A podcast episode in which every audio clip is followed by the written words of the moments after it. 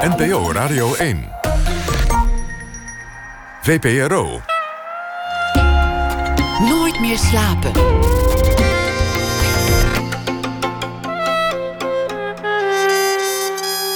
Met Pieter van der Wielen. Goedenacht en welkom bij Nooit meer slapen. De vlucht van een granaatappel is de titel van de voorstelling. Werd positief ontvangen op Oerol en gaat nu op reis door het land. Acteur George Elias Tobal komt erover vertellen. Hij vluchtte ooit als vroege tiener uit Aleppo in Syrië naar Nederland. Na ene is hij te gast. Thomas van Aalten schrijft deze week elke nacht een verhaal voor ons. En zo ook vannacht, dat hoort u ook na ene. Maar we beginnen komend uur met Willem de Ridder. Radiomaker, spiegeloog, fluxusartiest en vele andere gedaanten heeft hij gekend. Geboren in 1939, opgegroeid in Den Bosch en op meerdere plekken vermeld in de Nederlandse geschiedenisboeken. Als vooraanstaand lid van de beweging Fluxus, of Fluxus, hoe je wilt. Een kunststroming die juist van de kunst af wilde in de jaren 60. Medeoprichter van het uh, blad Hitweek, een popblad, maar ook veel meer dan dat. In 1965, samen met Peter Muller deed hij dat. De ouderen zijn bang voor ons omdat we tieners zijn, luidde het openingsstatement. Later vertrok hij naar de Verenigde Staten, werd vanuit daar radiomaker, keerde weer terug. En de verhalen over die tijd zijn onvoorstelbaar maar waar. Duizenden liepen hun bed uit, de auto in vanwege zijn uitzendingen. Een flashmob avant la lettre. Willem de Ridder was een exponent van de vrije jaren 60, maar werd in de jaren 70 de oprichter van Nederlands eerste sekslijn. En later, in de jaren 80 en 90, ging hij zich weer bezighouden met radio, met talk radio. En hij is al heel lang coach in het bedrijfsleven, lang voordat dat als beroep bestond. Vandaag is hij daar nog steeds mee actief als verhalenverteller en met de spiegologie. En daar komen een aantal dagen weer van aan. Fanclubdagen voor jezelf van de Spiegeloog. Hartelijk welkom, Willem de Ridder. Ja, dankjewel. Leuk om je, leuk om je hier uh, uh, te ontvangen. Laten we helemaal teruggaan naar het begin. Je, je geboorte. Het milieu waarin je geboren werd in uh, Den Bosch. Geboren nog net voor de oorlog.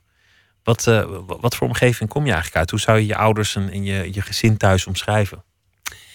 Nou ja, het was natuurlijk uh, de vijftiger jaren. Hè? Of het begin van de vijftiger jaren. Hè? Dus het... Um,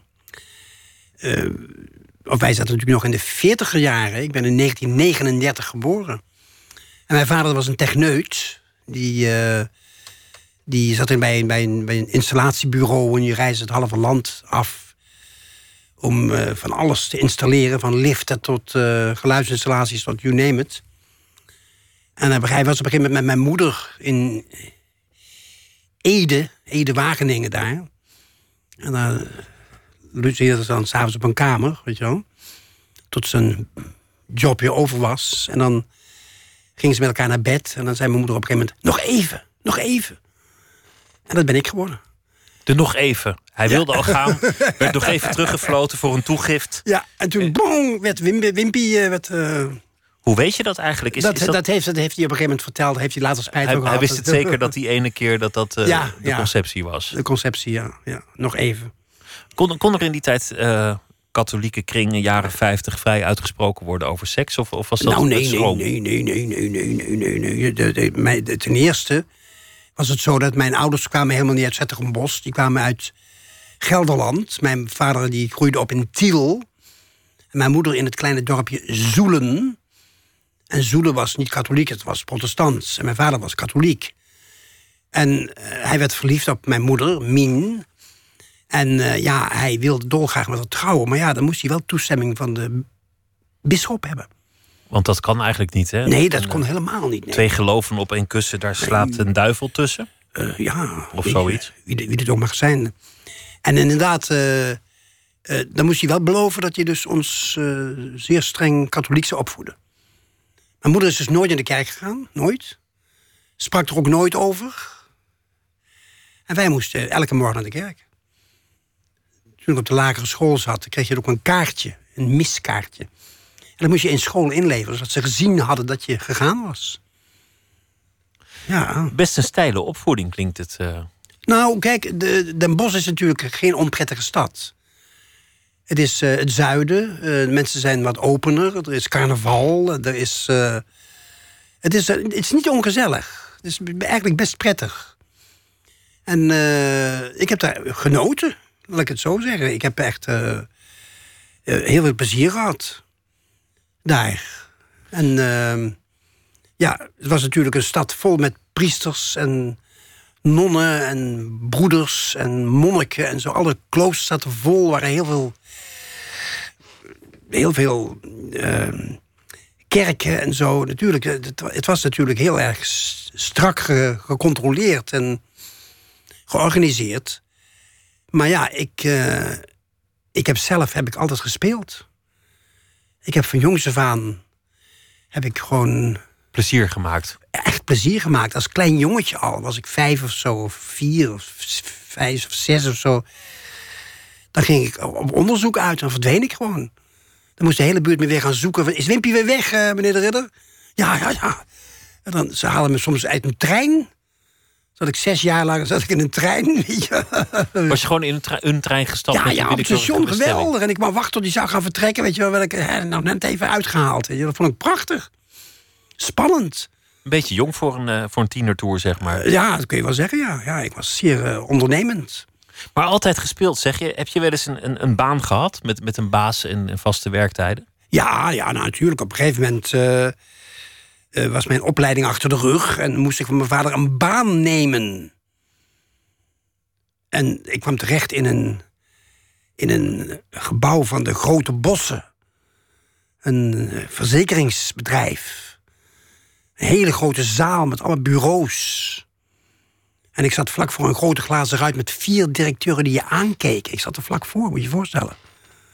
Nou, ik dacht dat ik in de hel terecht gekomen was. Dan moest je elke dag moest je dan de kelder in. Moest je uit ongelooflijk veel van die eh, kasten moest je kaarten uitzoeken. En die moest je naar boven moest je die uittypen en dan weer terugstoppen. Nou ja. En je moest op tijd komen, weet je. Een prikklok met een kaart erin. En als je te laat kwam, kreeg ik een donder van mijn vader. Want hij was behoorlijk eh, kortaf. Hij kon behoorlijk kwaad worden. En eh, op een gegeven moment heb ik dus besloten, de beste beslissing van mijn hele leven. Ik neem nooit meer een baan. Je hebt daar opgezegd. Hoe, hoe deed je dat? Gewoon met een briefje? Of, Nee, of, eh, nee, nee, nee. Ik zei, ik, ik, ik, ik, ik, ik- met, met geld wil ik geen bal te maken hebben. En ik blijf spelen. En weet je wat ik toen deed? Toen heb ik gezwaaid naar de vier directeuren. Die keken me verbijsterd aan. Toen heb ik de typemachine van de tafel afgeveegd. Die viel te pletter. En ik werd meteen ontslagen. Daar ging het mis. Of goed. hoe Goed juist, ja, ja. Toen heb ik tegen mijn vader gezegd... ik wil er reclame in, want dat brengt meer geld op. En toen mocht ik naar de kunstnijverheidsschool. En toen ben ik eigenlijk meteen thuis weggegaan. En woonde ik in een onbewoonbaar verklaarde woning. Die had je in die tijd. Dat waren echt eh, ja, krotten waar je, waar je niet in mocht wonen. En waar stond hij? Die stonden in, in het oude centrum van... eh ja, dat bos is 800 jaar oud, weet je. Dus er zijn van die kleine straatjes die nog uit 1300 stammen en zo. En dan, ja, die, ja, die huizen die waren helemaal niet meer om in te wonen. Die moesten op een gegeven moment opgeknapt worden. Dat duurde soms heel lang, maar ja, goed. Ik sliep, ik sliep er toch. En eh, ik ben daar gaan schilderen en zo. En toen ben ik, ja, toen ben, toen ben ik in een heel ander soort leven terechtgekomen. Waar werd je toen toe opgeleid? Want je, je zei reclame, maar het was de kunstnijverheidsschool. Wat, eh, wat was het doel van de opleiding? Wat, wat zou je daarmee worden? Of wat, wat leerde je daar? Nou, weet je, weet je wat het was? Ik, het was gewoon een, een, een, een, een truc. Ik wilde helemaal niet naar die school. Dus ik kwam ook bijna niet. Ik zat alsmaar in mijn, in mijn hokje en dan was ik aan het schilderen. En als ik iets nodig had, verf of zo, of, Aan het spelen. dan ging ik eventjes naar, eh, naar die school en ging ik het halen. Of als ik een leuke meid nodig had die ik wilde, als, als model wilde hebben, weet je, dan eh, ging ik die daar ophalen. En natuurlijk eh, waren er ook wel leuke onderwijzers daar hoor, die, die ik wel leuk vond en zo. En dan kwam ik dan wel, maar ik werd soms eh, klassen uitgezet, hoorde ik te zijn en ik was er nog nooit geweest. Dus ik, eh, ja, ik. eh, en ik begon binnen de kortste keren begon ik daar met een pantomimegroep. Met Hans Klaassen, was een goede vriend die daar zat. En Ineke Chardon, dus met z'n drieën. Theater Colombine noemden we dat. Het was de tijd dat, dat, dat waaide over vanuit New York. De performances begonnen, de, de happenings en, en eh, de beweging Fluxus kwam op. Een soort kunstbeweging die tegen de kunst was. Artiesten die zich richten tegen alles wat tot dan toe kunst mocht heten. Hoe kwam jij daarmee in aanraking? Nou, kijk, het, interessante was toen wij met dat, eh met dat eh pantomimegroepje begonnen. Dan deden we voor de pauze traditioneel theater. En ik was ook altijd enorm bezig met geschiedenis. Hè? Met hoe dingen zich ontwikkelden. Want kunst was altijd heel erg strak gecontroleerd door de kerk en de staat. Die bepaalde wie kunstenaar was en wie niet. En hoe je moest schilderen. Schilderen is in de loop der eeuwen bijna nooit veranderd. Het is altijd realistische schilderijen geweest. Je had iets stijlveranderingen, zoals Rembrandt schilderde dan weer ietsje ruiger dan bijvoorbeeld Velasquez. Maar het, was, het leek allemaal enorm veel op elkaar. En dat, dat, dat, dat, dat, dat dictatoriale van de kunst, dat, dat irriteerde me maatloos. Dat je moest aanpassen aan een zeker gezag van iemand die uitmaakt wat goed is, wat niet goed is, wat er toe doet en wat er niet toe doet. Precies. En uh, dus na de pauze, voor de pauze deden wij dus zeg maar traditioneel theater. Dat ontstond in de tijd dat er ineens landen kwamen. Want kijk, voor die tijd had je een situatie waarin iedereen uh, ja, slaaf was, horige, lijfeigenen. En je had overal kastelen door het hele land heen, die de baas waren van die streek. En eigenaar van de mensen die daar woonden. En er was een wet, dat weten we nu niet meer, van de kerk, dat het streng verboden was om winst te maken. Dat was een doodzonde. Dus er waren ook geen steden. Want steden kunnen alleen maar dankzij handel ontstaan.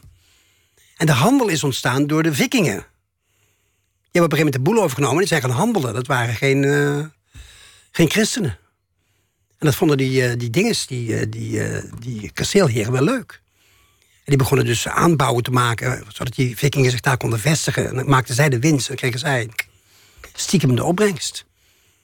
En toen ontstonden er steden. En toen ineens kreeg je centraal gezag. En dat vonden mensen verschrikkelijk. Ineens ja, zat die man op dat kasteel, die had de macht niet meer. Dat en, gezag ja, is, en ja. toen, kwam, toen kwam er theater om een beetje af te leiden. Theater was een soort, ja, een soort... Eventjes, even iets anders, weet je wel. Even uit de realiteit stappen. Maar jij wilde meer. Jij wilde als kunstenaar, zeker in die tijd, uh, het gezag tarten, omverwerpen. Of, of misschien nog zelfs meer dan dat, maar in ieder geval niet ja, het systeem. Na, na, de pauze kwamen wij dan ook met hele bizarre uh, theater, met, heel, met, een soort performances. Uh, we gingen ervan uit dat muziek niet alleen klank was, maar kan ook beweging zijn. Uh, kleur, van alles kan het zijn. Dus we gingen heel bizar. Na de pauze gingen we eigenlijk een soort fluxus doen. Maar ik had nog nooit fluxus gehoord. Jullie deden het, maar later bleek het iets te zijn. Is, is dat iets dat nog steeds gevoelig ligt als, als mensen je kunstenaar noemen? Of, of wat jij doet voor kunst verslijten? Je, je hebt lange tijd een hekel aan het woord gehad. Ja, dat, dat, dat, dat woord kunst hoorde je mij niet gebruiken. Ik heb zelfs in Den Bosch uh, met mensen als Ewald van Vught en zo en andere vrienden hebben wij een organisatie ter voorkoming van kunstuitingen opgericht. En dan was er een opening van een tentoonstelling van mijn Brabantse kunstenaars. Dan kwam de burgemeester. En dan kwamen wij binnen en ze wisten dat wij de boel kwamen saboteren. Gooiden we stinkbommen en deelden we pamfletten uit en zo. En meteen kregen we ja, politie achter ons aan. En moest mijn vader me ophalen van het, van het politiebureau. En wat deed hij? Want zo was hij wel hoor. Hij bracht me naar het station, gaf me wat geld en zei: Ga jij maar naar Amsterdam, dan hoor je thuis. Die heeft me echt de stad uitgezet. En ik vond het prachtig. En zo kwam je in Amsterdam terecht. Ja, en het interessante is, daar ontmoette ik ineens, zeg maar, jonge kunstenaars. Eh, zoals Dick Rijmakers, was een hele befaamde uh, componist die ook bij Philips zat en zijn eerste elektronische popmuziek maakte. En uh, die begon ik te vertellen hè, over mijn ideeën wat muziek zou kunnen zijn. En ik vond het zo interessant. Hebben we alle jonge componisten bij elkaar gebracht. Uh, Micha Mengelberg, Louis Andries, Schat. Peter Schat, noem maar op. Weet je wel. Zelfs Jaap Spek, die was assistent van Karl-Heinz Stockhausen en zo. En kortom, een hele belangrijke groep kunstenaars bij elkaar. En ik wist ze zover te krijgen dat we dus inderdaad hele, hele bizarre dingen gingen doen. En zij waren ook modern bezig natuurlijk, maar ja, op een hele Een van die dingen was dat, dat jullie een reactie gingen uitlokken van het publiek. En dat, dat jullie die reactie weer gingen imiteren. Ja, Tot het een soort Ja. vraag-antwoord ja situatie werd. zodat het publiek eigenlijk het stuk maakte. Noem eens een voorbeeld hoe, hoe, dat- hoe dat ging. Nou, bijvoorbeeld toen kwam Louis uh, Andriessen kwam op het toneel en ging achter de vleugel zitten, applaus. En dan kwam ik als een soort zanger en dan ging ik ernaast aan applaus. En dan begon hij... Tang, één toon. werd het helemaal stil. Iedereen zat te wachten op wat er ging komen. Er kwam niks. En dan riep iemand in de zaal... Komt er nog wat? En dan riep hij meteen... Komt er nog wat? Dan werd iedereen weer stil. En elke keer als zij geluid maakten... of begonnen te protesteren... protesteerden wij, nou, imiteerden wij hun geluid terug. En toen ontdekten ze dat zij het stuk maakten. En ontplofte het natuurlijk in zo'n zaal. Weet je, geweldig. Ik vind het achteraf wonderlijk dat zulke later toch heel beroemd geworden componisten daaraan meewerkten. Ja, maar ze voelden zich wel ontzettend. De pers was woedend. Die, kon het, die vond het helemaal niet kunnen. En ze waren doodsbang voor een carrière, dus ze zijn er echt uitgestapt hoor, snel. Ik weet nog goed dat Peter Schat die kwam naar me toe, die zei: Willem, ik heb toch besloten om meesterwerken te gaan maken. Die is hem gesmeerd. Heeft hij toch goed aan gedaan, denk ik. Ja, nou, dat weet ik niet. Maar in ieder geval, uh, ik, het, het, ik, ik, ik, ik, kreeg weer de zoveelste bevestiging... van dat die, de terreur van zeg maar, de officiële organisaties... die het in de hand hebben. Jij bent kunstenaar of jij niet. Want kijk, vroeger had je dus kastelen en kasteelheren... En die bepaalden wie kunstenaar was of wie niet. En die, die kwamen allemaal in die kastelen te hangen. Die prachtige werken. Maar op een gegeven moment is de, industriële, of het, de Franse revolutie gekomen. Toen hebben ze hun macht verloren. En toen ontstond er ineens hele rare kunst. Impressionisme, expressionisme, dada, nou, noem maar op. Ineens kwam er vrijheid. En ja, dat is uh, heel, heel bizar geworden natuurlijk. Maar je hebt nu nog steeds gezagsdragers, galeriehouders, het geld, museum. Ja, nee, maar wat, wat er gebeurd is, is in feite uh, we kregen dus in plaats van kastelen kregen we nu het musea, die er als een kasteel uitzagen als een paleis. En in plaats van een baron zat er nu ineens een directeur. En die bepaalde wie wel en wie niet. Dus er is niks veranderd. De poging om dat te ontsnappen gebeurde langs vele kanalen. De jaren zestig, de rock'n'roll begon. En, en daar kwam ineens het blad Hitweek. Er waren in Nederland al een aantal jongere bladen of bladen die over muziek gingen. De combinatie van jou, Willem de Ridder, samen met Peter Muller, de andere oprichter, vind ik een hele grappige. Hij heeft later heel veel tijdschriften opgericht: de Tuk, de Candy, heel veel seksblaadjes. En jij echt met die, met die vrijgevochten dadaïstische kunstinslag. Je deed ook de illustraties en, en, en de, de, de gekke teksten. En de layout en zo. En de layout en, en, en dat soort dingen. Het, het, was veel meer dan een, dan een popblad, maar het was wel de essentie. Dat het, dat het ging over, over rock and roll. Hoe, hoe kwam je daar terecht? Nou ja, kijk, eh, wat we, wat we eigenlijk even overslaan... is dat toen, ik, toen het ophield met, met de, de Mood Engineering Society... waar al die jonge componisten in zaten... was ik helemaal teleurgesteld. En toen kwam ik in contact met Namjoon Paik. Dat was een Koreaanse man die hele bizarre dingen deed. En voor het eerst met televisie als kunstmedium werkte. Nou, dat was, toen uit, dat was voorkomen not done in die tijd... En uh, ja, toen uh, heb ik dus uh, met die man gesproken en die, die zei: You are Fluxus. Want ik vertelde wat ik allemaal gedaan had. Heb je? En toen werd ik later gebeld door de oprichter van Fluxus. En die zei: You are Fluxus. En toen werd ik voor het eerst uitgenodigd om deel te nemen aan de eerste performance in Amsterdam. Op het Rokin. En ja, ik was inmiddels ja, een beetje uit de kunst gestapt. Want weet je waarom? Ik werkte nog met Wim T. Schippers samen in die tijd. We deden hele bizarre dingen, deden wij. Dat ga ik allemaal niet zitten vertellen, dan zit ik hier morgen nog. Maar op een gegeven moment kregen wij een opdracht van de VARA... om een documentaire te maken over de nieuwe, nieuwste kunst. Toen hebben wij het programma Signalement gemaakt...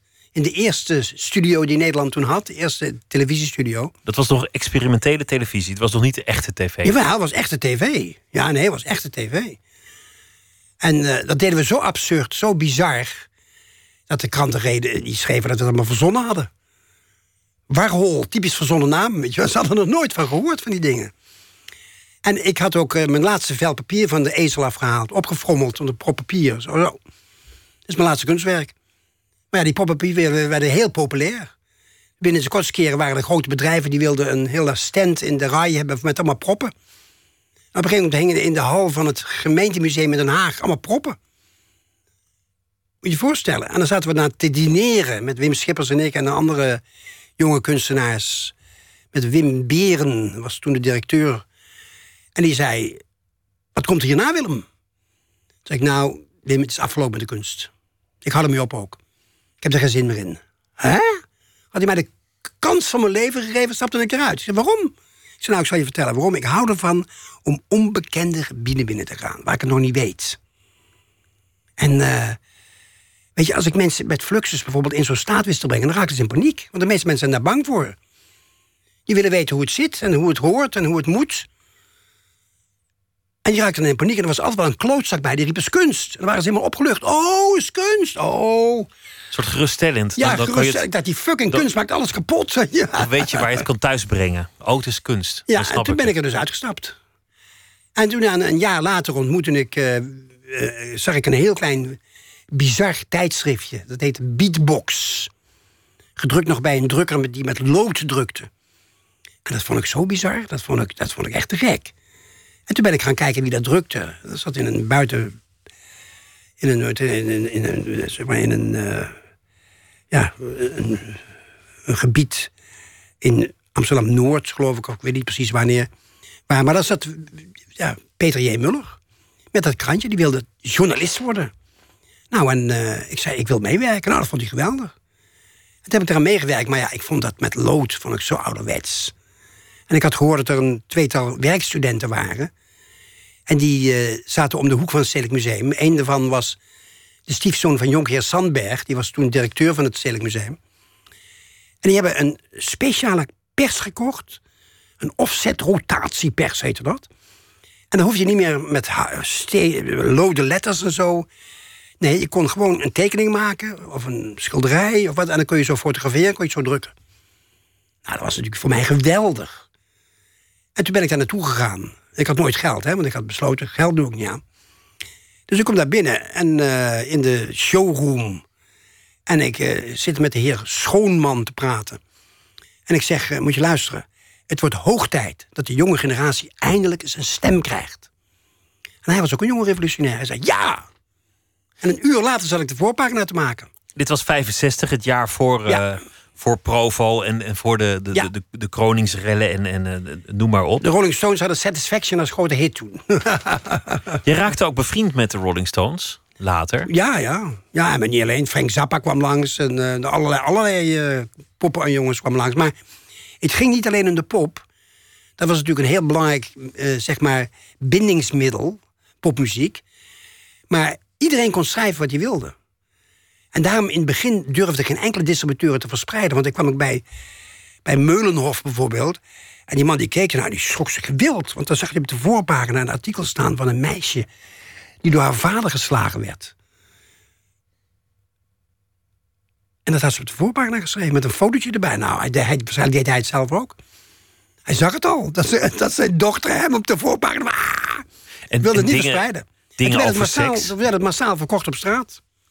Verhalen over seks, verhalen over orgasmes, verhalen ja, die het gezag moesten Dat kwam pas later. In het begin durfde niemand dat hoor. Was dat nog te wild, maar, maar twee jaar later? Zo ja, lang heeft het ook allemaal niet bestaan. Oh ja, ja, ja, ja. Het had, het had een enorm effect, want uh, in, in het begin werd het op straat verkocht, maar al spoedig begonnen alle kranten in Nederland, die allemaal nog met lood gemaakt werden, begonnen hitweekpagina's te maken. Want die tienertijd, dat werd, dat werd heel populair. En die jongeren kregen tegenwoordig zakgeld. Dus die begonnen financieel en economisch gezien begonnen die van een belangrijke marktgroep te worden. En uh, ineens uh, uh, ja, werd het massaal in winkels verkocht. En ja, het, het, het, ging maar door. En er kwamen heel veel mensen, de halve VPRO kwam langs. Maar ik zei, luister jongens, we gaan geen redactie maken. Iedereen kan erin schrijven. Voor mij mag je vergaderen zoveel als je wil, maar we gaan niet jullie gaan niet bepalen wat erin komt en wat niet. Want je was je had geen zin in werk, je had geen zin in gezag, want dan zou er ook iemand de baas moeten zijn. Precies. En als er iemand de baas was, dan was het niet meer een blad van de jongeren. Dus, dus de gedachte was eigenlijk heel erg wat het internet nu doet. Ja, exact. Chaos en anarchie en, en we vinden onze weg wel. Ja. En niet alleen dat, maar er werd ook, uh, er werd ook uh, voor het eerst eigenlijk. Want kijk, in die tijd had de pers. Je zat in de randstad. En de provincie telde nauwelijks mee. Je hoorde nooit iets over Zutphen of over assen. Of over dat soort dingen. Dat, uh, en nu ineens gingen al die kids gingen schrijven. De Rolling Stones die zijn nog steeds actief. Jij bent nog steeds actief. En we gaan luisteren naar iets dat uh, de Stones recent hebben uitgebracht. Van het uh, album Blue and Lonesome. En dit nummer heet Hate to See You Go.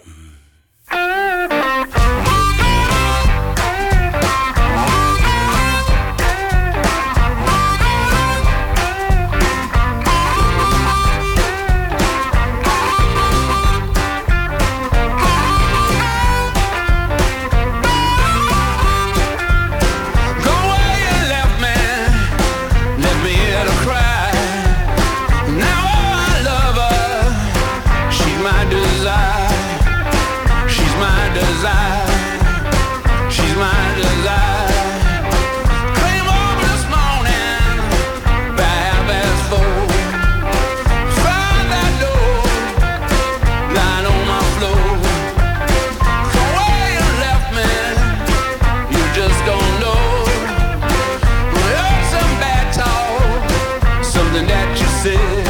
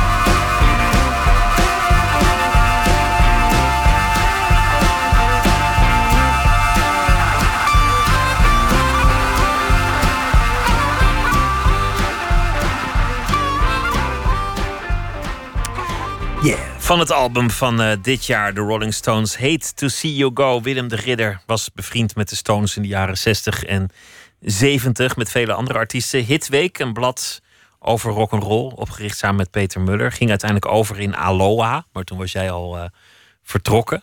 Uiteindelijk vertrokken naar uh, de Verenigde Staten om daar ja, je geluk en je hel te zoeken uiteindelijk. Wat, wat, ging je daar eigenlijk doen in de Verenigde Staten? Het is inmiddels, denk 69, 1970, zoiets. Ja, nou ja, ik, de, Aloha begonnen we omdat het elke week zo'n krant maken was natuurlijk een hoop werk.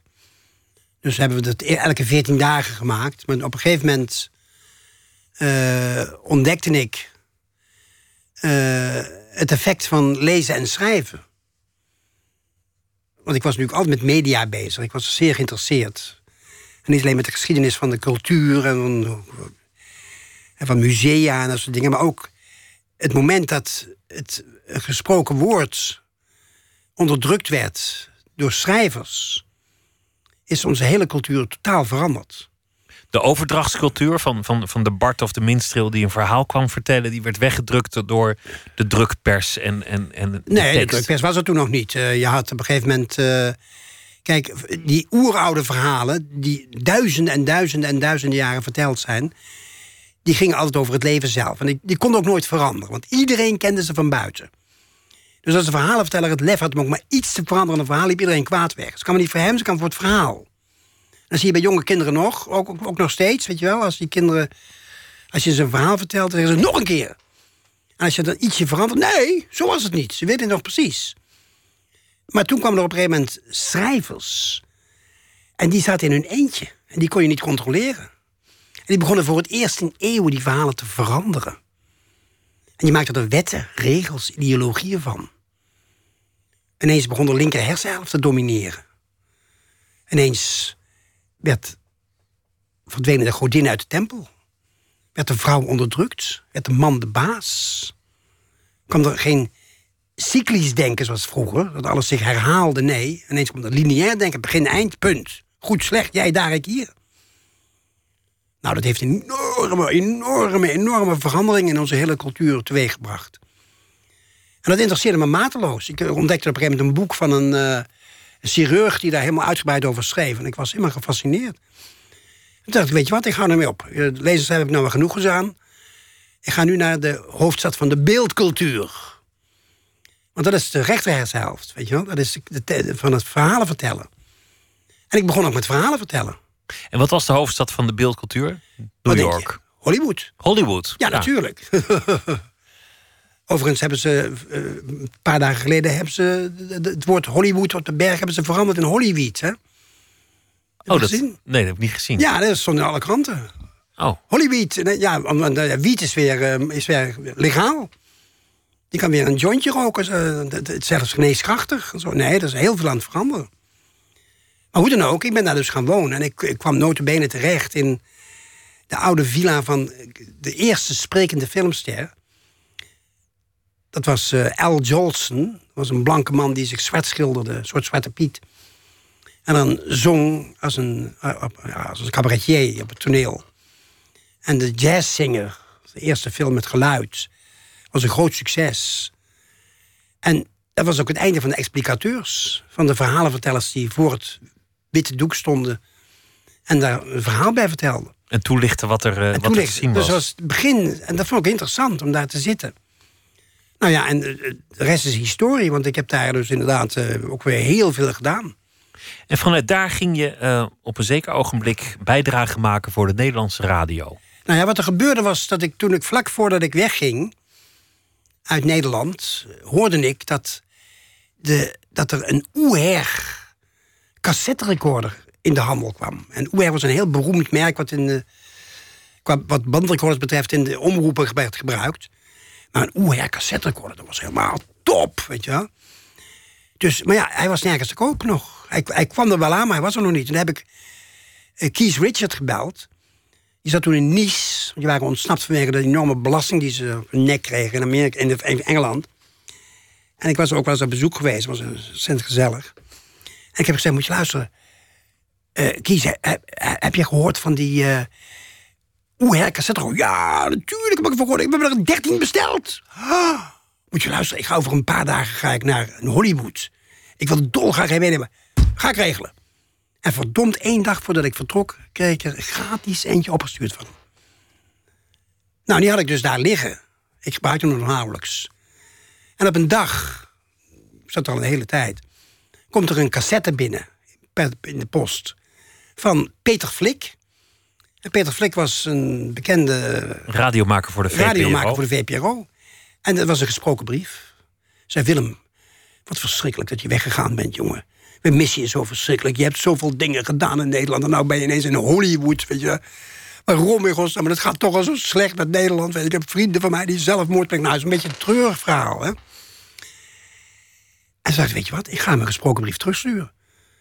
Dus ik zet dat ding aan, ik ga hem even uitvinden hoe het werkt en zo. Ik zet een radio aan met een Hollywood show op de achtergrond. En ik begin, hi Peter, dit is een speciale show voor jou. Weet je, zo begon echt helemaal zo lekker te kicken, weet je wel zo. En toen het klaar was, dacht ik, wauw, dat is leuk zeg. Toen heb ik hem in een envelop gestopt en naar hem toegestuurd. En wat gebeurde er? Ik kreeg een brief terug met geld erin. Hij had hem uitgezonden. En hij zei, Willem, je kan elke week een show maken als je wil. En ineens zat ik bij de radio. Wauw. Dus vanuit Hollywood met je, met je bandrecorder maakte je dingen. Dit is een uh, verhaal dat is volgens mij iets later, toen je alweer terug in Nederland was. Daar wil ik vanaf zijn. Weet ik niet helemaal zeker of dat daar is gemaakt. Maar het is in ieder geval een, een, een heel wonderlijke radiogeschiedenis. We gaan even luisteren naar hoe het begon.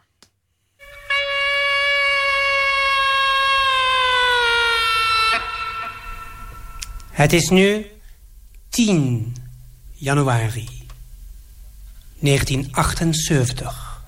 Vannacht blijven we niet bij de radio zitten. Je luistert op dit moment naar een zeer belangwekkend radio-experiment. De tweede nationale doodsangst-escapade. Een soort hoorspel waarin maar twee medespelers zijn. Twee hoofdrollen. Jij en ik. Tijdens die uh, horrornacht, die, die angst-inboezemingsescapade... werden mensen opgeroepen om hun bed te verlaten... in hun auto te stappen en naar plekken toe te gaan. Wat je, wat je nu zeg maar een, eh, een flashmob zou noemen, maar dan mhm. via de radio. Ja. Het, het wonderlijke verhaal wil dat er duizenden mensen daaraan gehoorzaamden. Mm Weet je nog welke plek het was waar je ze naartoe bewoog? Ja, naar Wouderichem. Slot Loevestein. En daar daagden ineens allemaal autootjes op met radioluisteraars erin. Duizenden. En er was een man die uh, zou ze met uh, een boot uh, naar het, het, slot brengen. Nou, die is gevlucht. Hebben ze massaal hebben ze al die andere boten losgemaakt. Hebben ze vlotter, vlotter gemaakt. Nou ja, de, de, de, kans stond vol. Dat was echt te gek. Een beetje zoals het project X in Haren een paar jaar geleden. Dat, dat, dat een, een verjaardagsfeestje van een tiener werd gekaapt. Maar dat ging via internet. Ja, ja dat kon doen via internet, ja. Maar dit, maar dit was via de radio? Ja, dat, dat, dat was uniek hè, dat het nog via de radio uh, kon. Kreeg je daar glazen mee? Uh, nou, uh, ja, kijk, het is natuurlijk zo. Ik, ik, het begon met. Ik, ik, zat, ik, ik was net terug uit Amerika. ik heb een jaar lang in Nederland gezeten, in Bergen. En daar ben ik dus zeg maar met hoorspelen begonnen als de doodsangsttherapie. Want dan wilde ik dus met griezelhoorspelen, die allemaal geïmproviseerd werden, uitvinden of als wij angst voelden, of dan de luisteraar ook angst voelde. Want kijk, weet je wat zo bijzonder was? En dat was voor mij de grote les. Toen ik dus zeg maar dit eerste cassette opgestuurd had naar Peter Flik, die die gedraaid had, begon ik met de tweede. Maar ineens zat ik niet meer tegen Peter te praten, maar tegen het hele land. En ik begon me een beetje te gedragen. Weet je wel, hi, uh, je kent dat wel, op radio. Je, weet je, werd, je werd een meneertje van de radio. Ja, ik werd een meneertje van de radio. Ik, ik moest ineens uh, een goede indruk maken. Ik moest het uh, interessant maken. ik werd er gek van. En ik- hij, hij heeft het wel gedraaid allemaal hoor, daar gaat het niet over. En ze vonden het ook wel leuk. Maar ik vond het op een gegeven moment zo kloten. Dat ik, dat ik zo mijn best zat te doen, weet je wel. Ik wilde gewoon helemaal vrij zijn. En op een gegeven moment, ik weet het nog heel goed... heb ik een, een, een, een cassette gepakt, ik heb een muziekje opgezet... en ik heb gezegd, moet je luisteren. Ik ging voor de microfoon zitten. Ik wil niet meer tegen de luisteraars praten. Ik wil tegen jou praten. Ik wil intiem met je zijn. Gewoon lekker dichtbij. Geen gezeik meer. Gewoon, laten we gaan met die banaan. Hè? Samen. En misschien vind je het griezelig. Dan kun je nu de radio afzetten. Ik zal een muziekje opzetten. En als je dan blijft, dan zal ik heel blij zijn dat we... Nou, dan gingen we daarna door. Ik ben blij dat je gebleven bent. Weet je wat we gaan doen? We gaan even lekker liggen. Ja, ga even op de sofa liggen of zo, of op de bank of eh, op een bed of zo. Maar zet de telefoon even af, zodat je niet gestoord wordt, weet je. En eh, op een gegeven moment, weet je wat?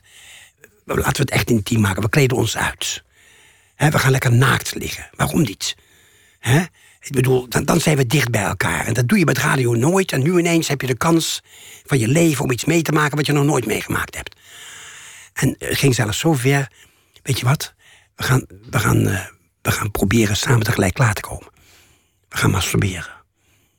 Nou jongen, ik schrok me dood toen dat laatste erop stond. Ik dacht, Willem, dat kun je niet maken, man. Weet je, ik heb dat cassette op een plank gelegd. En eh, ah, ik durfde niet eens meer naar te luisteren. Maar ja, dan maakte ik weer de ene keurige programma na het andere. En op een gegeven moment had ik zo de pest in. Heb ik die cassette gepakt, in een envelop gestopt, in de brievenbus. Naar Hilversum. En die, die gooide het er en volgens heb ik mij nog een uur geprobeerd hem eruit te krijgen, maar dat lukte niet meer. Maar volgens mij zon- hebben ze het nog uitgezonden ook. Twee keer! Ik kreeg extra geld. En toen was ik over mijn angst heen. Toen durfde je alles. Toen de, en de eerste nachtrit heb ik ook in Hollywood gemaakt. Met, met, met, met, met eh, kaarten, landkaarten zeg maar, van Nederland erbij en zo. En het ging fantastisch. Maar over masturberen en, en radio gesproken. Je, je bent ook de eerste oprichter van een sekslijn in Nederland. Nou ja, nee, nee, nee het begon zo. Eh, toen wij dus met Hitsweek eh, merkten dat steeds meer jongeren over seksualiteit begonnen te praten. Omdat ze daar zoveel moeilijkheden mee hadden. En hun ouders daar zo boos over waren. En eh, nou, jij kent dat wel. En ze begonnen ook foto's te sturen. En ik, ik plaatste het allemaal. En dat, ja, dat sloeg in als een bom natuurlijk. Dat was echt... En toen, er was, kijk, de, de krant was heel populair. Er waren zelfs in Engeland was ook een jaar later een speciale hitweek opgericht, de International Times. En dan had ik soms een contact mee en die belde me op en zei: Willem, dit zouden we ook willen doen in Engeland, maar dan gaan we de gevangenis in. Dus Scotland Yard komt ons meteen eh, ja, arresteren. Ik zei, nou weet je wat? Ik ga mijn drukker vragen of we het hier kunnen doen, in Amsterdam. Nou, die zei ja, dat is prima. En toen kwamen er dus een aantal eh, belangrijke Engelse en Amerikaanse medewerkers van het blad. Waaronder Haskett Williams, die was toen met een hele beroemde fotomodel, Jean Shrimpton. En eh Jermaine, eh, ken je Jermaine Greer? Ja, ja, zeker. De ja. beroemde feministe, die was er ook bij en zo. Nou, kort, toen begonnen we met een krant, die heb ik gelayout. Die heette Suck, The First European Sex Paper. Waarin zeg maar, de intelligentia van Europa nu voor het eerst verklaarde in het Engels dat seks oké was. Dat het mocht, dat het, dat niet slecht was, et cetera, et cetera. Nou ja, in ieder geval, we hebben een, ik, heb, ik heb regelmatig bladen van Suck gemaakt in, in, over de hele wereld. Hè? In Stockholm, in Frankfurt, in Hollywood, noem maar op. En ehm, ja, dat. eh, op, op een dag liep ik in, eh, in, in, in, in Hollywood op straat. En toen zag ik in een, in een, in een, in een automaat, zo'n krantenautomaat, zag ik staan. Finger, speciaal suk issue. Wat? Ik, maakte, ik trek het eruit. En er zaten al, al die pagina's en aan erin. Ik wat? Hebben ze gewoon gejat? Dus ik ga naar een bureau toe. Een hoofdbureau in, eh, in Beverly Hills. En ze waren doodsbang. Ze dachten dat ik, hen kwam, dat ik hen een proces kwam aandoen. Ik zei, helemaal niet. Je moet gewoon, eh, je moet gewoon beginnen hier in, met een, een, een, tijdschrift... waarin iedereen kan schrijven wat hij wil over seks. Nou, een uur later zat ik de eerste pagina weer te maken. Het blad Vinger. En ja, nou ja, het werd een enorm succes. Maar hoe ging het van, van daar naar, naar de, de sekstelefoon? Want het is, het is natuurlijk een, raar Ja, concept toen dat je op, een nummer moment, op draait. een gegeven moment maakte ik dan ook een, een tijdschrift met een cassette erbij. En dan eh, kon je zo de, de, de, de cassette opzetten. En dan hoorde je wanneer je de pagina moest omslaan. En dan werd je door het hele blad heen ge- gecoacht. En dan, eh, ja, dat ging dan over seksualiteit. En er was een meid bij, die, die heette Queen Adrena. Lekkere dikke dame, die was bezig met eh sadomasochisme en zo. En die, eh, nou, die maakte ook schitterende dingen. En die vond het zo geweldig, dit. Die zei, daar moeten we, moeten we iets mee beginnen. Dat heb ik, hebben we opgezet, een systeempje... dat mensen met een creditcard een bepaald bedragje konden storten. En dan konden ze zeg maar zoveel keer bellen voor niks. Of voor dat bedragje. En dan hadden- ze seks. Dat was de eerste 06-lijn, zou je kunnen zeggen. Ver voor de techniek daar was, Ja. eh, wa- was Ja. dit er al één. Ja, en eh, dat, eh, dat, ze moesten een paar keer verhuizen ook, omdat de politie erachterna zat en zo. Je, je had in die tijd zelf ook een affaire met, met een pornoartiest. Nou ja, nee, nee. Op een gegeven moment. eh, ik kreeg zo ontzettend veel brieven binnen. En op een gegeven moment woonde ik. Eerst woonde ik in. in ik ben verhuisd. Hè. Ik woonde eerst in een. in een penthouse. Vlakbij hun bureau. eh, in eh, Beverly Hills. En later ben ik terug naar Hollywood gegaan. En zat ik in de villa van Gary Cooper. Dat was ook een beroemde filmster in die tijd. En eh, ja, daar, daar maakten we dat tijdschrift steeds. En op een gegeven moment kwamen er brieven binnen. Nou, jongen, je weet, je weet, je weet niet wat je, je, je, wist niet wat je leest. Dat is echt te gek voor woorden, jongen. Dat ging, ging ver. Een, een, een, een, een, een, chirurg, vrouw eh fetischiste was... en die wilde voortdurend geopereerd worden voor, de, voor de kick. Een vingertje eraf, weet je wel. Een, eh, een, een, een, teentje eraf. Een, Voor de opwinding. ja, ja, ja. Op een gegeven moment wilden ze allebei handen en voeten eraf. En op een gegeven moment wilden ze armen en benen. Ze wilden de human suitcase zijn. Nou ja, er is zelfs een Hollywood-film voor gemaakt. Of, of, nou ja, nog andere dingen die ik hier niet ga zitten vertellen... want dat is echt te smerig voor woorden. Maar ik kreeg op een gegeven moment wel brieven binnen... en ik had ze in een map gelegd. Ja, kan ik dit wel publiceren? En toen op een gegeven moment kreeg ik brieven van Willem... je hebt gezegd dat je in het begin dat je alles zou publiceren wat er binnenkwam... en dat, waarom wij niet? En toen heb ik een speciaal nummers gemaakt... met een iets andere naam, blad G... Met, al die brieven erin. Nou, het was in drie uur tijd uitverkocht. Het was echt, de eerste 500 nummers verdwenen al op de drukkerij. Was echt te gek voor woorden.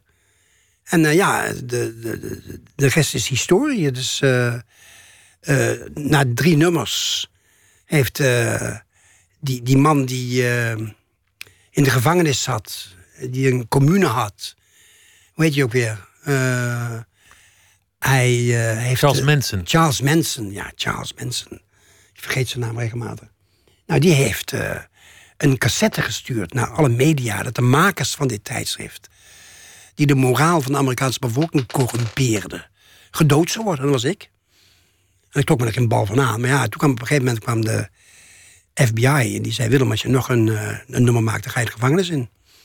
En toen zeiden mijn vrienden op het, op het hoofdkantoor: die zeiden, Willem, we moeten, naar, we moeten weg hier.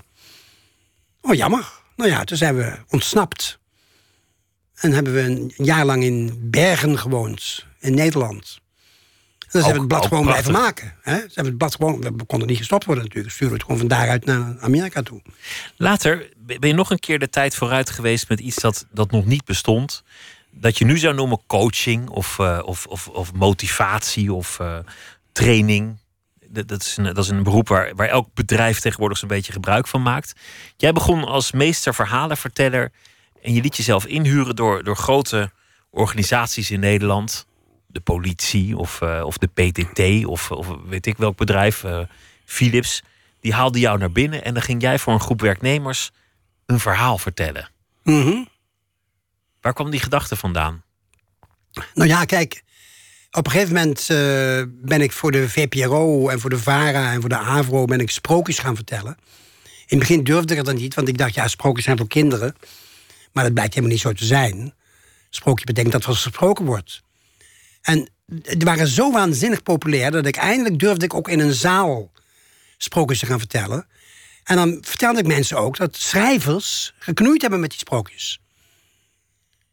Maar die, vonden het, die hebben er kinderverhalen van gemaakt. En kinderen bestonden vroeger niet eens. Hebben de Walt Disney uitgevonden. Dus het is echt een kwestie van, van dat ze er dingen uithaalden...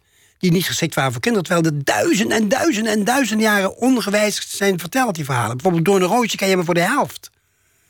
Jij hebt geleerd dat Doorn Roosje 100 jaar slaapt, weet je nog? Ja? En dan komt er een prins, die kust haar wakker en ze leven nog langer gelukkig. Nou, mooi niet. Ze is al lang zwanger voordat ze wakker wordt.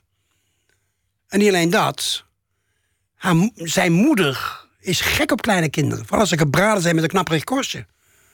Er komt zelfs eh, cannibalisme in voor. Hebben ze allemaal uitgehaald. Nou, en dan zat ik dat te vertellen, zat die, al die mensen, volwassenen notabene, met de duim in de mond zaten ze te luisteren. En dan vroegen ze na afloop, Willem, hoe kan het nou dat wij als volwassenen naar zo'n kinderverhaal zitten te luisteren? Het zijn geen kinderverhalen, zei ik. Ze zijn waar. Ze vertellen precies hoe jouw leven werkt. Hoezo? Nou, kabouters bestaan. Dat zijn jouw cellen. Je hebt miljarden cellen. Hoogst intelligente wezens die in contact zijn met alle andere cellen in het hele universum. Dat zijn jouw kabouters. En die hebben maar één functie, ze staan u uit dienst. Je hoeft maar iets te roepen en ze gaan aan de gang voor je. Als je zegt, dat lukt me nooit, roepen ze in koor, komt in orde. En dan weet je precies waarom het je niet lukt. Je hebt het net besteld. Huh? Maar, maar wonderlijk dat je dit dan staat te vertellen voor een, een zaal met politieagenten of, eh Ja, of later belastingambtenaren. Of, of- Kijk, op een gegeven moment, op een gegeven moment eh, werden die inleidingen langer en langer en langer.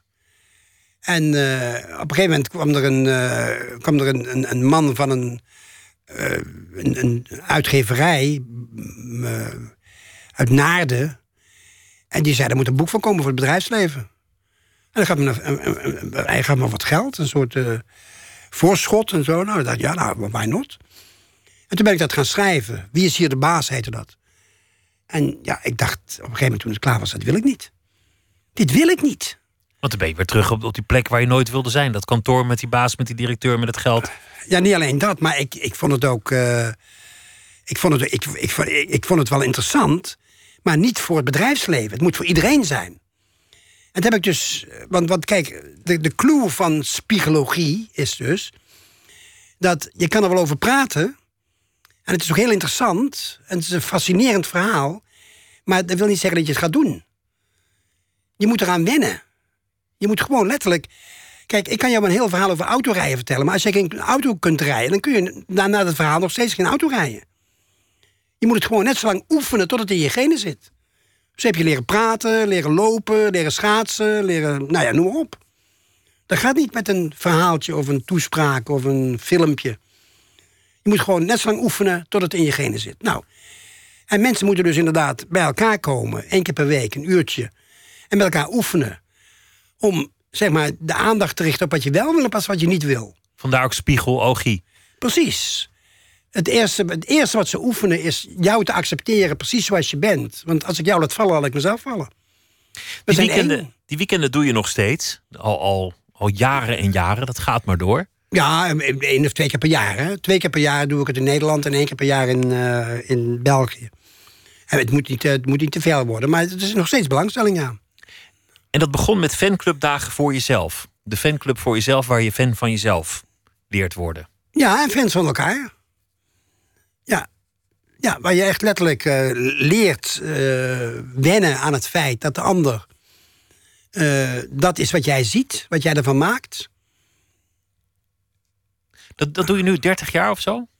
Ja, ja ik, ik, ik hou er niet bij. Ik ben niet zo van de jaren. nee. Ruimte en tijd, dat, dat interesseert je eigenlijk ook helemaal niet. Nee, nee, nee, echt niet. Maar wel een wonderlijk bestaan tot nu toe. Je, je hebt nu een beetje verteld hoe je, hoe je leven is verlopen. Maar het is allemaal begonnen met één besluit. Dit, dit trek ik niet. Ik, ik moet hier weg. Weg van dit kantoor. En ik ga nooit meer werken. Ik ga spelen. Ja. Ik ga plezier maken. Ja. En ik zal geen gezag meer accepteren. Ja, daar kwam het ongeveer op neer. Tussendoor maakte hij ook nog Talk Radio. Dat was een station in de jaren 90. Wat een beetje hetzelfde concept had. Als, als wat je deed destijds met, de met de Hitweek. Namelijk de content moest van de luisteraars komen. Ja, ja, ja, absoluut. Bel maar, vertel je verhaal. En iemand anders reageert. En liefst zelfs geen presentator als het even kan. Nou ja, ik, ik, ik, ik zat dan eh, elke avond zat ik dan eh, met iemand die zijn hele leven vertelde. En ja, jongen, die, die, de- ik zat er echt naar ze te luisteren. En mensen van thuis uit konden per telefoon eh, reageren. Nou, dat was waanzinnig populair. Dat was waanzinnig populair. Een van de technici die hier werkt, heeft, heeft nog een, een anekdote. Dat, dat hij werkte voor dat station. En je had een bandje opgestuurd. En toen zei je op het bandje: U kunt nu bellen naar dit nummer. Terwijl er geen één presentator op dat moment in de studio aanwezig was. Ja, ja, ja. Dus die technicus die zag ineens de telefoon aan alle kanten gaan. Die werd helemaal nerveus. Die denkt, hoe moet ik dit oplossen? Al die mensen bellen, willen in die uitzending. Mhm. En op het bandje gebeurde niks meer. Nee. Alleen maar stilte. Totale paniek bij die jongen. Ja, we hebben behoorlijk, eh, behoorlijk gepest ook, hè, natuurlijk. Maar er zat ook een ideaal achter. Namelijk laten luisteraars het maar lekker zelf oplossen. Een beetje het concept van, van internet vooraan nu. Ja, nee, zeker. Het was, eh, ik, heb het, ik heb ook het begin meegemaakt. Want ik, het- toen ik in Hollywood. In, in, in- ik heb ook een tijdje in Californië gewoond, in, eh, in San Francisco. En daar maakte ik ook radio voor lokale zenders. En een, een vriend van mij, een dokter, Elvin Curran. Nee, niet Elvin Curran. Eh, hoe hij ook? Nou, in ieder geval, hij was een arts die ook een hitweek schreef. En hij was de eerste die eh, tips gaf eh, over seksualiteit en over, en over doop en dat soort dingen, weet je wel. En in zijn, hij woonde op een gegeven moment in een, in een huis aan de, aan de, aan de oceaan. vlakbij San Francisco. En daar hebben wij ook het laatste, een van de laatste nummers van, van Suk gemaakt. Dus, en hij eh, werd op een gegeven moment uitgenodigd. Want in die tijd had je namelijk ontzettend veel radiostations die alleen maar de top 40 uitzonden. De hele dag door alleen maar top 40 gedoe. Nou, daar werd je op een gegeven moment gek van. En op een gegeven moment is hij, dus op een gegeven moment heeft hij een, eh, een vrouw geïnterviewd die eh, was. die, die had een soort vakbond voor prostituees opgericht. En eh, nou, dat was een heel interessant gesprek. En hij luisterde ook echt naar haar en zo. En er bleek massaal naar geluisterd te worden. Veel meer dan ze ooit met die, met die muziek hadden. En op een gegeven moment ging het zelfs zo ver... dat eh, zij eh, zijn pik vastpakte en hem probeerde te masturberen. Nou ja, hij wist niet hoe hij het had natuurlijk. En het werd een schandaal. Ze wilden, dat, dat, ze wilden in Amerika, die heel, heel conservatief daar... wilden ze het, het bedrijf stoppen. Heb je? Dat, dat verbieden. Dit ging te ver. Maar het was wel zo dat het ging in heel Amerika rond. En al die stations die tot nu toe alleen maar muziek, muziek, muziek, muziek, muziek... die begonnen te zeggen, wacht even. We moeten gaan praten. Daar wordt veel meer naar geluisterd. En toen ontstond Talk Radio. Een station dat, dat het uiteindelijk niet heeft gered als radiostation in de traditionele betekenis. Maar op internet ben je altijd door blijven gaan met uitzendingen en, en programma's en, eh, en verhalen vertellen. En dit jaar komen er dus ook weer een, eh, een aantal weekends aan voor de spiegologie en de, de coachings die je ook nog doet. Willem de Ridder, dank voor je levensverhaal tot nu toe. En voor, eh, voor alle anekdotes. En wat leuk dat je hier. Is het alweer gast voorbij? Zijn. Ja, zo snel gaat dat. Oh mijn god. Ja, de tijd vliegt, maar jij, je, je doet niet aan tijd, zei je net zelf. ja, ja, ik kan mij niet schelen. Tijd en ruimte, Ja. dat zal het allemaal. Ja, precies. Zometeen gaan we verder met eh, Nooit meer slapen. Met eh, onder meer een verhaal bij de voorbije dag van Thomas van Aalten. En eh, we gaan het ook hebben over heel veel andere dingen die zijn gebeurd in de cultuurwereld. Twitter, het VPRO NMS. We zitten op Facebook en u kunt zich abonneren op onze podcast via de website van de VPRO. vpro.nl slash nooit meer slapen. en mag ik ook nog iets zeggen? Er Ja, is een, een station dat heet ridderradio.com op eh, internet. En daar kun je ook mij elke week horen op maandagavond. En eh er zijn heel veel uitzendingen. En dan kun je zelf ook uitzendingen gaan maken. Dus het bestaat ook alweer jaren. Ridderradio.com. Ja, punt .com. Willem de Op Ridder. willemderidder.com. Dankjewel. Oké, jong. Goeienacht.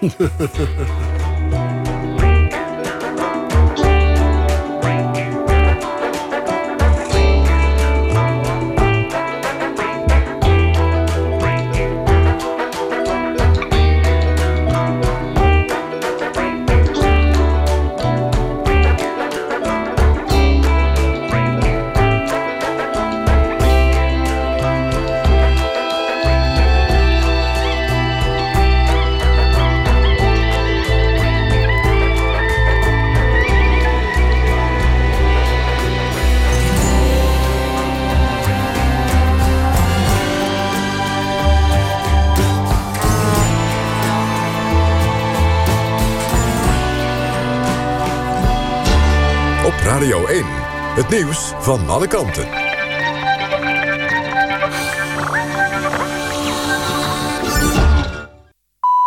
1 uur, en ook Thijssen met het NOS-journaal.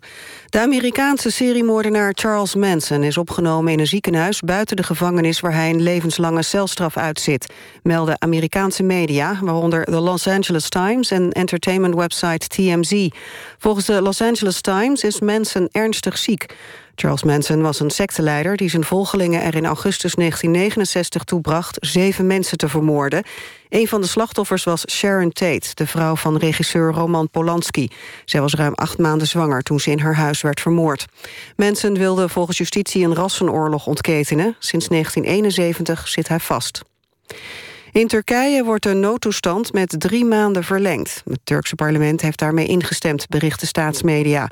De noodtoestand werd uitgeroepen na de mislukte coup van 15 juli... en in oktober verlengd. Door de noodtoestand kan de regering nieuwe wetten invoeren... zonder het parlement te raadplegen. En ook hebben verdachten minder rechten. Sinds de koepoging zijn in Turkije meer dan 40.000 mensen opgepakt. Vooral mensen die banden zouden hebben met de geestelijke Fethullah Gulen... die verantwoordelijk wordt gehouden voor de koepoging. Brazilië wil de verantwoordelijke voor het gevangenisbloedbad van zondag overplaatsen om een nieuwe geweldsuitbarsting te voorkomen. Zondag begon in vier gevangenissen een opstand. Tientallen gevangenen werden vermoord, veel slachtoffers werden onthoofd. In de chaos ontsnapten bijna 200 gevangenen, van wie er inmiddels iets meer dan 50 zijn gepakt. In Delfzijl zijn de coupures afgesloten vanwege hoogwater. Dat melden de waterschappen Hunze en Aas en Noorderzeilvest. De doorgangen zijn om half één vannacht gesloten. Rond half vier bereikt het water een stand van 3,20 meter boven NAP. Dat is 1,70 meter boven de normale stand. Bij 3 meter boven NAP worden de dijkdoorgangen afgesloten. Tegen de ochtend, rond half zes, kunnen de coupures weer worden geopend... omdat het waterpeil volgens de verwachtingen dan weer is gezakt. Het weer, steeds meer opklaringen. Aan zee en op de Wadden mogelijk een stormachtige wind. Komende dag vallen er verspreid buien. Landinwaarts mogelijk met natte sneeuw. En het wordt 4 tot 8 graden. Dit was het NOS Journaal. NPO Radio 1. VPRO. Nooit meer slapen.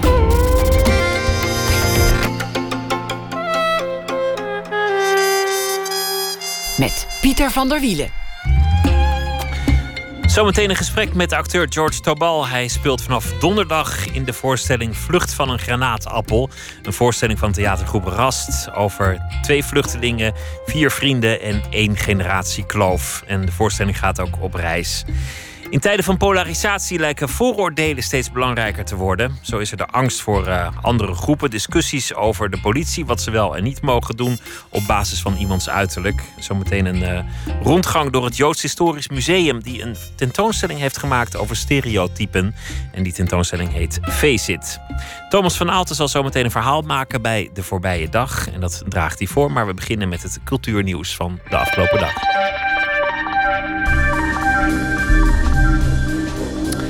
Wat er vandaag uh, gebeurde, min of meer. De artistiek directeur van het Holland Festival, Ruth McKenzie, vertrekt na de editie van 2018. Ze gaat uh, naar Parijs. De Britse zal dan artistiek directeur worden, al daar van het Théâtre du Châtelet in uh, de Franse hoofdstad. En daar zal ze meteen één grote klus krijgen, namelijk een grote renovatie. Tot nu toe uh, is, valt het zwaar, schijnt, om artiesten te vinden die willen optreden tijdens de inauguratie van Donald Trump 20 januari. Maar de Britse zangeres Rebecca Ferguson heeft laten weten dat ze wel wil komen zingen. Ze heeft dan wel één voorwaarde. Ze komt alleen als ze het nummer Strange Fruit mag zingen. Het eh, protestlied tegen racisme van Billie Holiday. En later ook gezongen door Nina Simone.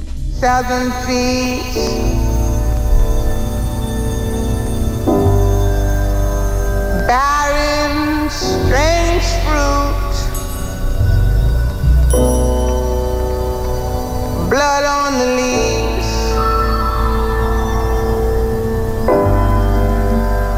And blood at the roots.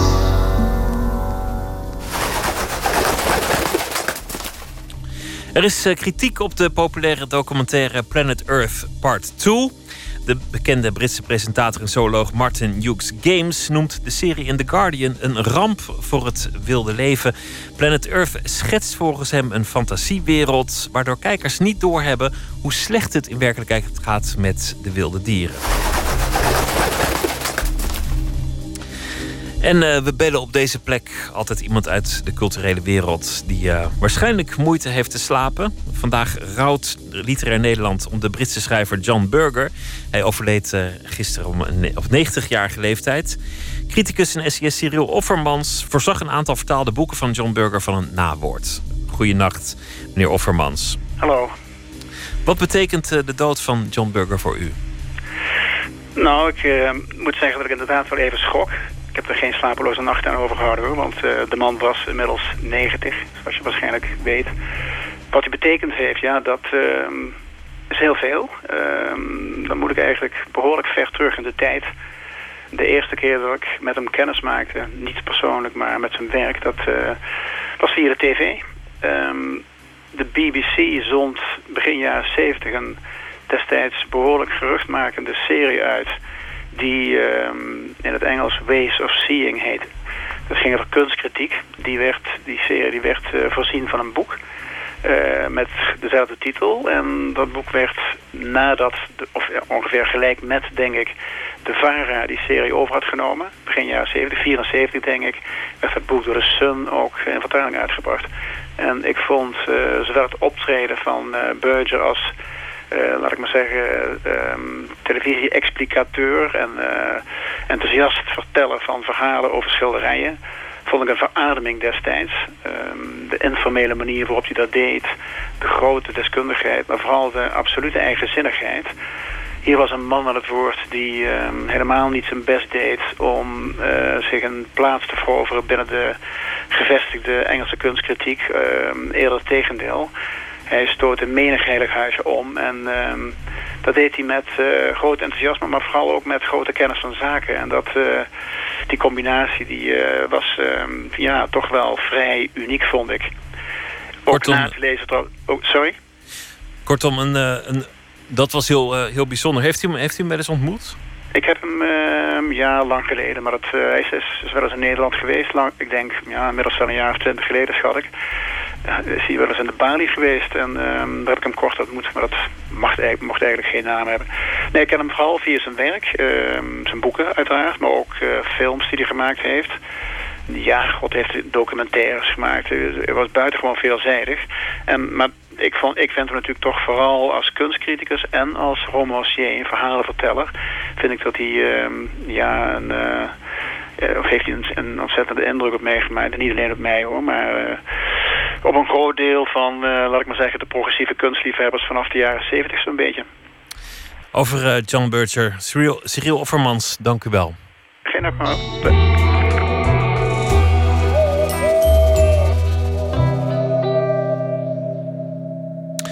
De Engelse muzikant Christopher Taylor verruilde Londen voor Wenen als uitvalsbasis. Hij eh, brengt muziek uit onder de naam Zoon, geschreven in hoofdletters. En we gaan luisteren naar een nummer dat heet Rennen. Oh, Father, release me, my bones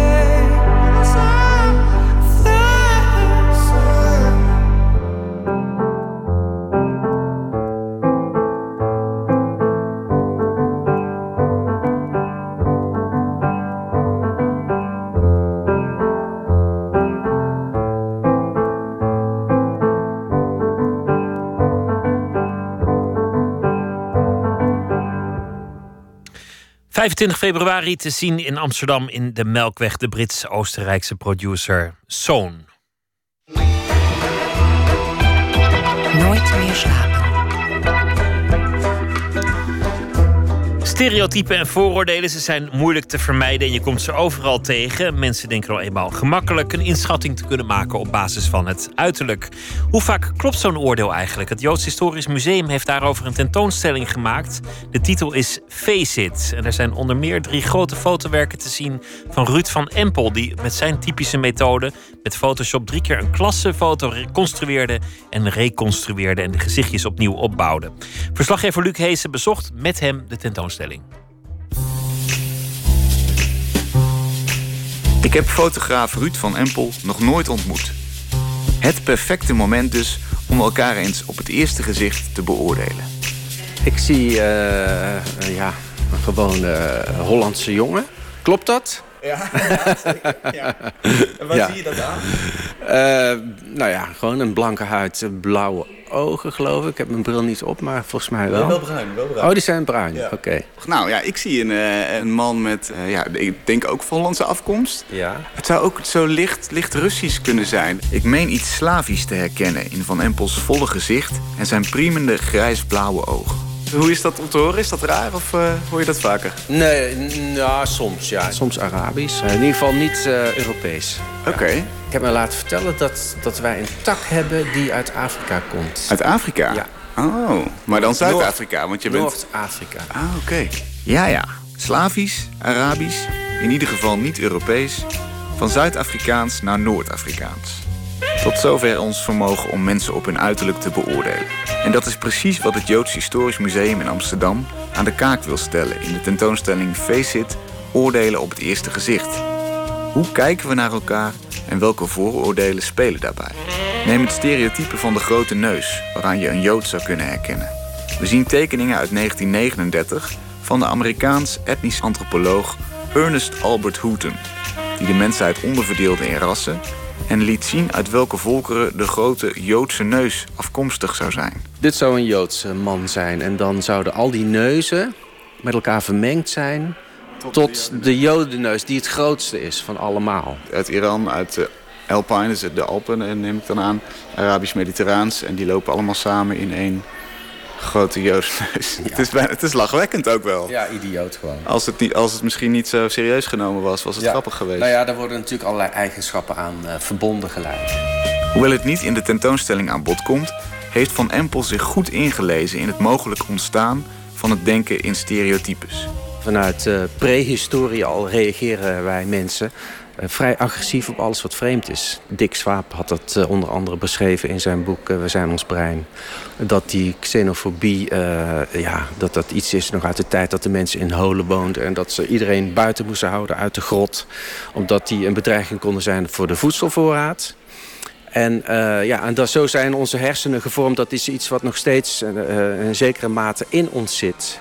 Het komt er eigenlijk op neer dat iedereen toch een soort eh, racisme in zich heeft. En racistisch is en racistisch denkt. In de tentoonstelling zit veel interactie. In een fotohokje fotografeer je jezelf met een hoofddoek, een afrokapsel of een zwarte hoed en pijpenkrullen. En in een andere hoek is er de baard. Die past natuurlijk bij gelovige moslims, of bij gelovige joden, of bij hipsters. Een computerscherm geeft ons de keuze. Dit is de Jood. Dus kijken of het klopt. Nee, Nee, niet ik ben ook fout. Wat is het dan? Ik denk dat dit de hipster is. Ja. Ja, Ja, kijk, die zien we in een hipster met een hoedje en... Ja. Nou, dan moet dit een moslim zijn. Nee, ook niet. Ook niet. Maar deze hadden we nog niet gezien. Dit is een hele volle baard onder, met een Beetje korte sikje. Best lang. Ik denk Joods. Nee. We lopen door naar twee van de drie fotowerken van Van Empel... die in de tentoonstelling zijn opgenomen. Het zijn klassieke klassenfoto's. Een groep leerlingen in drie rijen boven elkaar... tegen de achtergrond van een okergeel gordijn. Maar er is iets vreemds aan de hand met de kinderen. Van Empel heeft hun portretten met behulp van Photoshop zelf samengesteld. Eerst maakte hij verschillende foto's van een kind... om vervolgens uit allerlei onderdelen een nieuw gezicht samen te stellen. Soms met de ogen van een ander kind, of met een andere neus of een ander ooglid. Het maakt de kinderen onrealistisch en griezelig perfect. Door de vervreemding en de samenstelling van de portretten dringen zich vragen op over afkomst. Bijvoorbeeld in het eerste werk, gemodelleerd naar Van Empels eigen klassenfoto, waarin een groep van 32 kinderen maar één zwart kindje staat. Het is wel grappig. eh, Mensen die zeiden tegen mij: waarom maak je geen zwart klasje? En er werd onder andere ook mee bedoeld eh, een, een moslimklasje. Dus toen realiseerde ik me opeens van: oh, dat wordt ook als zwart bestempeld. Weet je wel? Alles wat niet wit is, wordt als zwart bestempeld. Behalve een wit klasje met daarin één donker jongetje, maakte Van Empel een klassenfoto die geheel uit zwarte kinderen bestaat. En een zogenaamd Joods klasje, waarin de jongens keppeltjes dragen. Het idee voor de werken ontstond door de reacties die Van Empel kreeg op een eerder werk, waarin hij onschuld wilde portretteren door middel van witte kinderen. Als ik aan onschuld dacht, dacht ik aan een leuk, schattig eh, meisje van een jaar of zeven... met vlechtjes in de haar en een wit jurkje en dat soort dingen. Dat heb ik toen gemaakt en toen werd er gezegd... het is wel heel erg wit, dat kind. En ze ziet eigenlijk wel een beetje Arisch uit. En daar schrok ik van, omdat hè, blanke kinderen met blauwe ogen en blonde haren en, en vlechtjes in het haar, dat zie je gewoon overal rondlopen. Dus waarom is dat opeens Arisch, als zodra ik dat afbeeld? Daarna heb ik hetzelfde eigenlijk gemaakt, maar dan met een zwart kind. Een zwart meisje met een, een, een wit jurk, gewoon ook als een symbool voor onschuld. En daarvan kreeg ik dan weer de reactie van... ja, ze is wel erg zwart. Het zwarte kind is natuurlijk net zo onschuldig als een, als een wit kind. Daar zit geen enkel verschil tussen. En dit is een heb ik, heb ik daarna gemaakt... waarin je dus alleen maar zwarte kinderen ziet... en waar, waarbij het belangrijk is om op te letten op die, de kleur van die huid. Er zijn dus heel veel zwart tinten. Als je het hebt over zwart, dan heb je het eigenlijk over iets wat heel breed is. En waar, waar heel veel verscheidenheid in zit. En heel veel nuance. Omdat Van Empel aan de hand van honderden verschillende foto's de gezichten helemaal opnieuw opbouwt, is hij in staat een nieuw schoonheidsideaal na te streven. Ik ben benieuwd wanneer hij zijn kindjes perfect vindt. In, kritieken op mijn werk werden er wel eens uh, termen gebruikt als zuiver. Zo, en dat heb ik altijd gelijk bestreden. Want ik, ik ben natuurlijk helemaal niet op zoek naar zuiverheid. Wat erachter zit is natuurlijk zuiverheid van ras of zo, van soort. En dat zijn dingen, dat bestaat allemaal niet. En uh, bovendien, de mensen die ik afbeeld op mijn werk bestaan ook niet natuurlijk. Dat zijn fantasiebeelden. Ik heb heel erg gespeeld natuurlijk met die stereotyperingen. Juist om het te doorbreken en ook hier en daar om het juist te bevestigen. En die dan naast elkaar te zetten, weet je wel. Het is niet helemaal mijn bedoeling om het helemaal natuurlijk te krijgen. Maar het is wel de bedoeling dat, dat het aannemelijk is. Dat je denkt van oké. En dat je ziet van nou, het is een klas. En er staan hier 32 kinderen op een rij. Door de ruimte schallen ook filmfragmenten... waarin regisseurs de draak steken met het Joodse stereotype. Er zit bijvoorbeeld een fragment in van de komiek Sacha Baron Cohen... die het typetje Borat speelt. Een Kazach die Amerika bezoekt en een truckerscafé laat meezingen met een antisemitisch lied.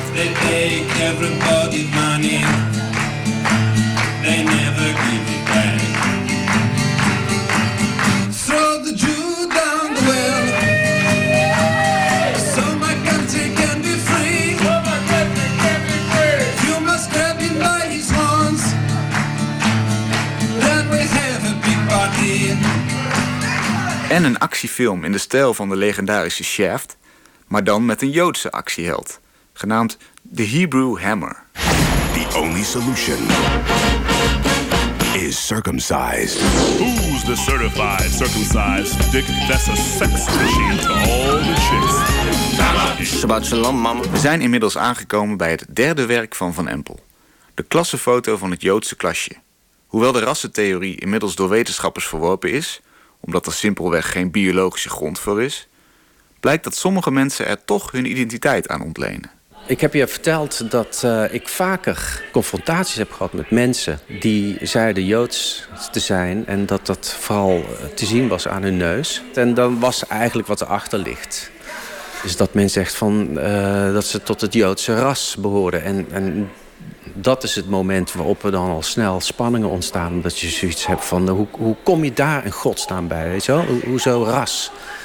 Dat, dat is iets wat de nazi's hebben gepropageerd. En, en uh, waarom neem je dat over? Dat is raar.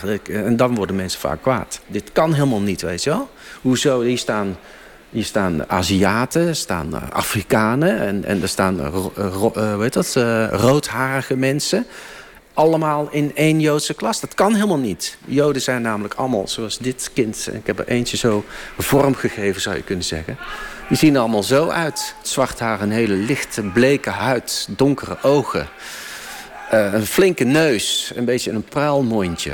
Uh, en daarnaast staat een jongen, die komt uh, ja, uit Senegal of zo. Het is een heel mooi zwart kind. Heel multicultureel. Om dat denkbeeld toch eens een beetje te doorbreken. De tentoonstelling kaart op luchtige manier aan... hoe snel we geneigd zijn om in stereotypen te denken. Toch blijft er veel onbeantwoord. Bijvoorbeeld de vraag waarom we zo sterk op stereotypes leunen. Is het gemakzucht? Of is het een vervelend overblijfsel uit de tijd dat we moesten knokken voor ieder hapje eten? Volgens Van Empel zijn we al een heel eind als je het mechanisme herkent. Probeer je bewust te zijn dat het niet uh, altijd negatief is, dat vreemde. Dus dat, dat, dat daar ook heel veel, en zeker onder mensen, mensen zijn gewoon allemaal hetzelfde. Er is geen verschil, het is maar één soort. Ik hoop dat dit een beetje helpt om mensen bewust te maken. En dat ze wat genuanceerder gaan denken.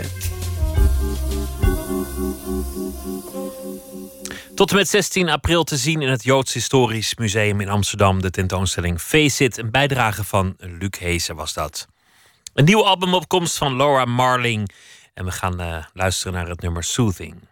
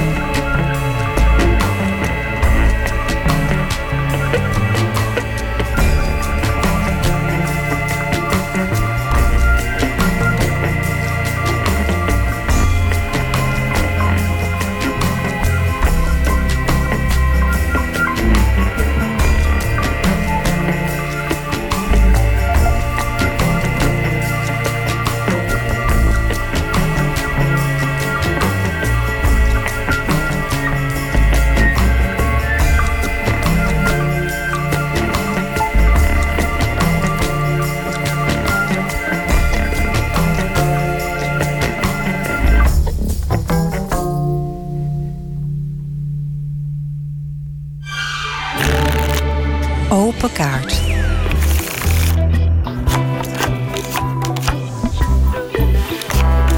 De rubriek heet Open Kaart en de gast trekt zelf eh, vragen uit een bak met 150 vragen over werk en leven. Acteur George Tobal is hier eh, te gast, te zien vanaf donderdag in een voorstelling De Vlucht van een Granaatappel, een tragicomisch stuk over vluchtgeschiedenissen van twee generaties. Hij kon ook uit eigen ervaring putten, geboren in Syrië, op zijn dertiende gevlucht naar Nederland. Deed een opleiding autotechniek, maar uiteindelijk werd het acteren en eh, de opleiding kleinkunst. En hij heeft al eerdere voorstellingen gemaakt. En uh, nou ja, deze voorstelling is toch weer een beetje over het uh, vluchten. George Tabal, welkom. Dankjewel. Ik, ik kan me voorstellen dat, dat er een moment komt in je leven dat je denkt: eigenlijk, eigenlijk wil ik helemaal niks meer met vluchten, vluchtverhalen, vluchteling zijn te maken hebben. Dat wil ik achter me laten. Uh, ja en nee. Omdat je het geval. Inderdaad, er zit heel veel dogma aan, aan, aan het woord uh, vluchteling. Of er zit een, een, een naar nasmaakje. Dan denk je van. moet je Op een dag moet je ophouden vluchteling te zijn. Ja, ja. Op, dat, dat wordt van je verwacht, maar dat ben je toch? Want, ja, Ooit geweest in ieder geval? Nou, ik, heb wel een Nederlands paspoort, maar ja, er is wel een bewustzijn dat, dat ik hier niet geboren ben. En ik zie er niet uit als een, uh, een average uh, Nederlander. Uh, dus er is altijd een soort bewustzijn. Oh ja, ik, ik ben wel. het is wel mijn land. Ik voel me hier thuis, Nederland. Maar toch, stiekem, weet je ook dat je niet hier hoort. En je bent geboren in Aleppo. Daar heb je gewoond tot je dertiende. Een stad die, die momenteel heel vaak in het nieuws is. Op, op een gruwelijke manier. We zien, we zien eigenlijk beelden elke dag van, van een stad steeds verder in puin. Ja. ja. Hoe is dat? Dat is jouw geboorteplaats. Uh, ja, zoals ik, ik vertelde net voor de uitzending, dat, dat ik, ik ben daar inderdaad uh, geboren. Uh, en als je naar kijkt, dan, dan heb je bijna apocalyptische beeld wat je krijgt op televisie. En dan wordt het heel abstract. Alsof je naar, naar, naar een, een uh, gruwelijke oorlogfilm aan het kijken bent. De, de, de stad is een puin. Het is niks meer uh, van over van mijn herinnering. Althans, in mijn herinnering is Aleppo een hele mooie, bruisende stad met heel veel mensen. En nu zijn het alleen maar kapotte huizen en gebouwen en, en bomgaten in de straten. En dus het wordt heel erg afstandelijk. Alsof je, alsof je naar een, een, een beeld kijkt dat niet uit je eigen leven komt. Uh, dus dan, dan word ik um, emotioneel word, word ik geraakt omdat er een soort in mijn hoofd uh, is het gewoon een feit dat ik daar geboren ben. Maar meer dan dat blijft het heel abstract. Dus je zit in een soort tussengebied van raakt het mij of raakt het mij niet? Is het nou echt mijn stad of niet? dus terwijl als het nou in Haarlem zou gebeuren, waar ik nu woon, dan zou het waarschijnlijk mij nog veel meer raken dan, want dat is nu je, je, je hometown. Mijn hometown, ja. De granaatappel, dat is, uh, dat is een, een exoot in Nederland. Mhm. Mm -hmm. Wel te koop en, en, en, wordt ook gewoon gegeten. Maar niet iets wat, wat hier oorspronkelijk uh, op het menu stond. Nee. 100 jaar geleden, zeg maar. Vertel over de, de vlucht van de granaatappel. Wat, wat is de... De vlucht van een granaatappel is een voorstelling over, uh, over familiegeheimen. en daarom, omdat wij samen met de andere acteurs ook Iran Ben Michael en uh, Jalil Toxus.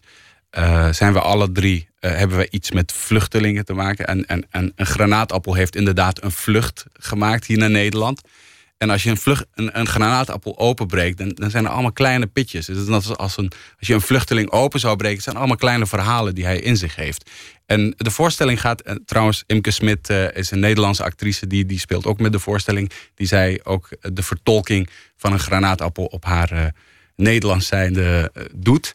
Uh, en het idee is, uh, kan, je, kan je altijd een, een, een mens openbreken om die verhalen te, te, ja, te proeven? Bijvoorbeeld, daar hebben we het altijd tussen vader en zonen. Dat is echt het, het, de lijn van de voorstelling. kan je aan je vader vragen bijvoorbeeld wat hij echt heeft meegemaakt voor zijn vlucht? kan hij vertellen over de bijvoorbeeld martelingen of de oorlogssituatie die hij heeft uh, verkeerd voordat hij die vlucht heeft gewaagd. Het is iets waar je nieuwsgierig naar bent, maar waar je tegelijk ook van voelt dat je er een beetje vanaf moet blijven. Ja, het is, je durft het ook niet te vragen omdat je die anderen geen pijn wil doen of die herinnering niet tot leven wil brengen, maar die ander durft ook niet te vertellen om uh, de luisteraar niet te belasten met zijn verhaal.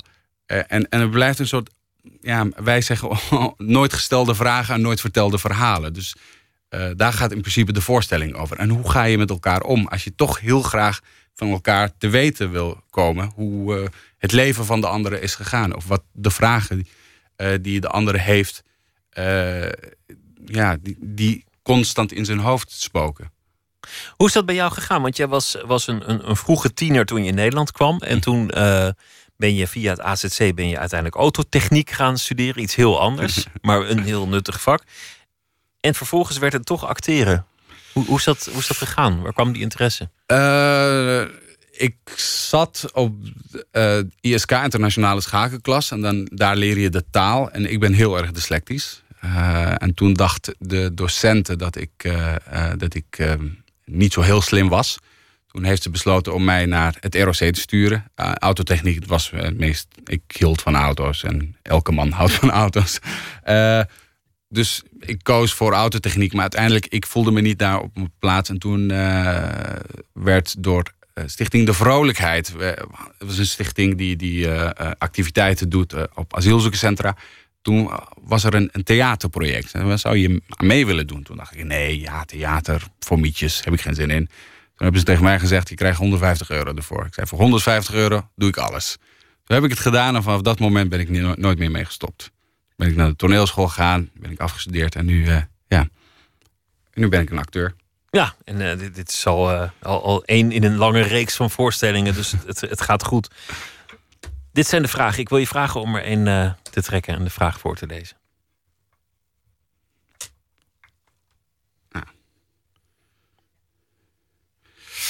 Van welke collega zou je nog wat kunnen leren? Wauw. Ehm, van mijn collega Eran Ben Michael, eh, daar, daar speel ik ook mee.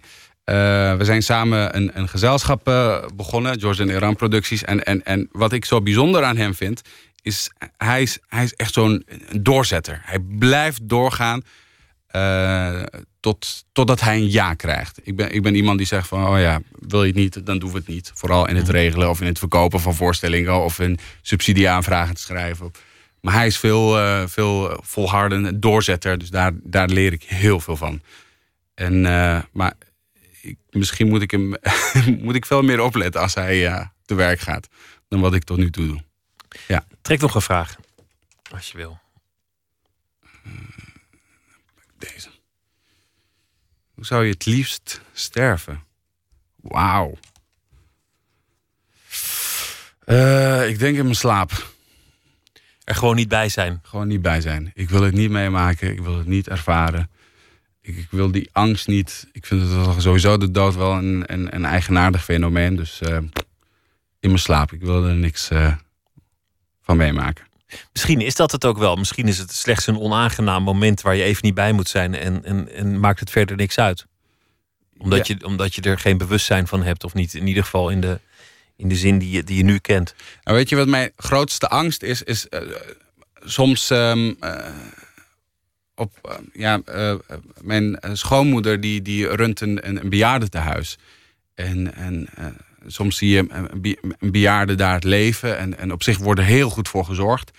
Eh, en dan, dan, dan zie je er iemand die heel dement is en, of eh, schizofrenie heeft. En, en die is er niet meer. En dan, dan vraag ik me altijd af, als ik zo oud word, hoop ik.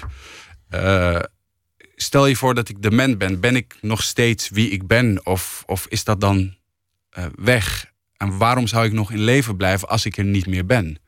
Als, je niet- toch niet meer bent wie je eigenlijk bent, Ja, maar waarom zou je het dan nog doen? precies. En toch wel door de families en, en, en de kinderen en, en misschien de vrouw ook nog, nog die persoon zo lang mogelijk in leven houden. En dan denk ik van ja, voor wie doe je het eigenlijk? Doe je het voor jezelf of doe je het nou voor die persoon? En dat, dat is mijn grootste angst. Dat ik, dat ik in zo'n plek terechtkom eh en toch niet meer ben wie ik echt ben. Laten we er nog één doen. Omdat je het zo lief vraagt. Ehm, wie of wat is de liefde van je leven? Ja, mijn vrouw is de liefde van mijn leven natuurlijk. Hoe lang zijn jullie al samen? We zijn nu eh eh, vier, vier en een half, vijf jaar samen.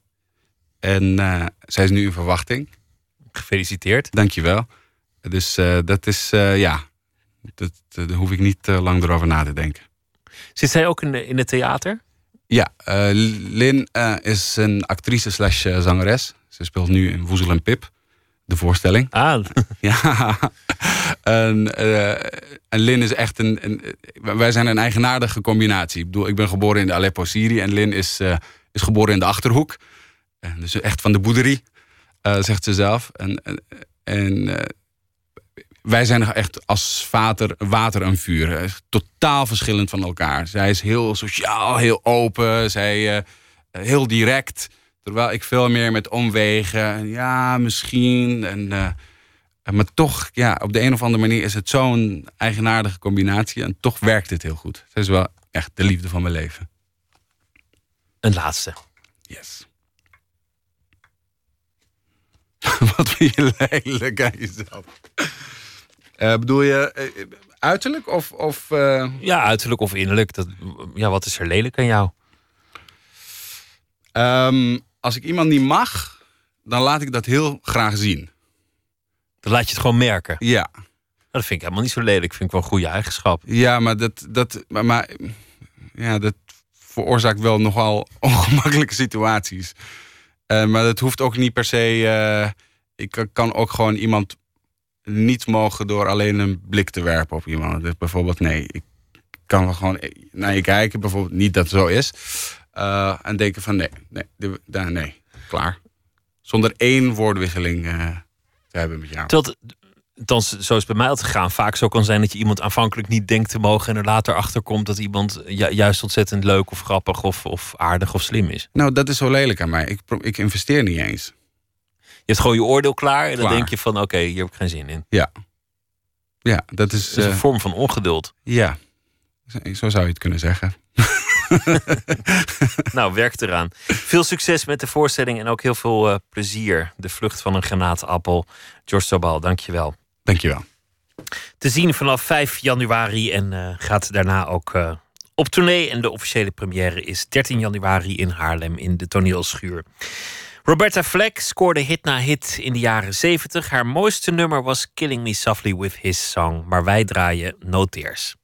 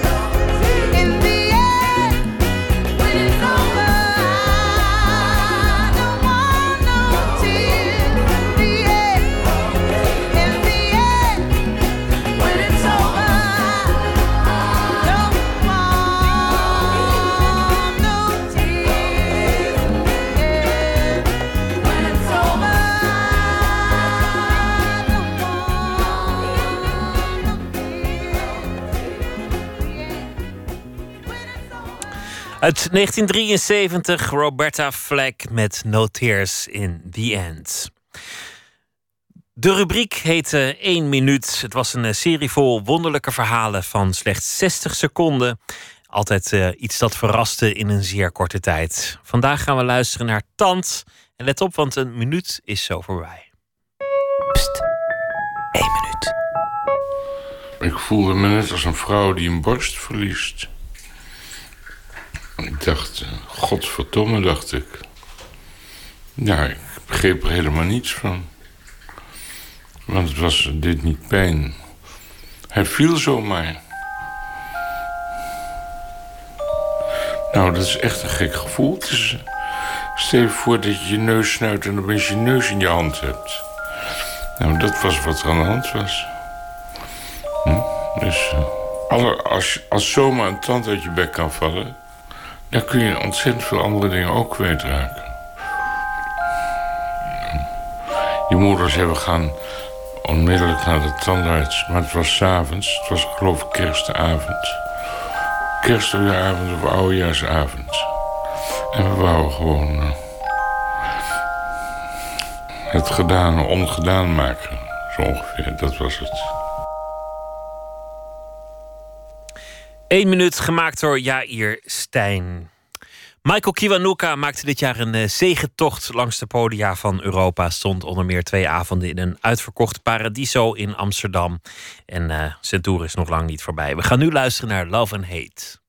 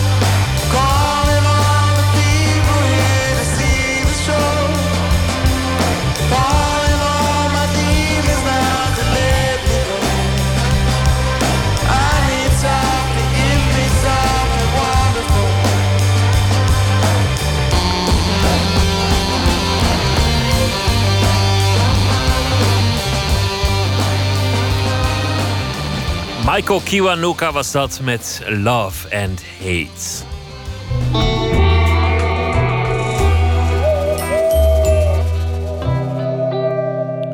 Thomas van Aalten is schrijver en deze week zal hij elke nacht een verhaal maken bij de voorbije dag. Thomas, goeienacht. Goeienacht. Vertel eens, wat, eh, wat was dit voor dag? Eh, nou, wat, wat vandaag het was, dat, eh, dat laat ik even aan, aan God en aan jou over. Maar wat mij in elk geval opviel eh, in de actualiteiten.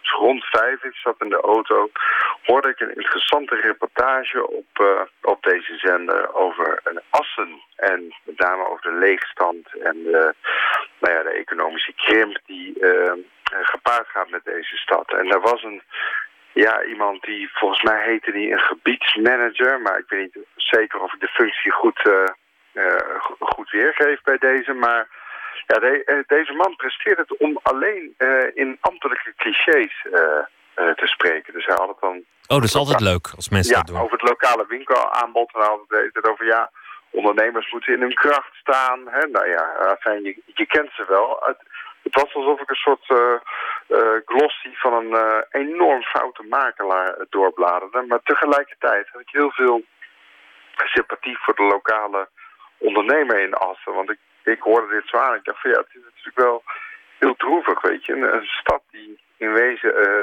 desintegreert omdat het winkelaanbod eh Ja, terugloopt. er- er was lange tijd sprake van dat er een, een enorm outletcenter zou komen. En, en dit zou als een soort wondermiddel alles weer leven inblazen in Assen. Ik weet niet hoe het daarmee staat. Ja, nee, wonderwel is dat eh, plan, daar is geloof ik de stekker uitgetrokken. Eh, zelfs ook op initiatief van de, van de VVD, omdat ze...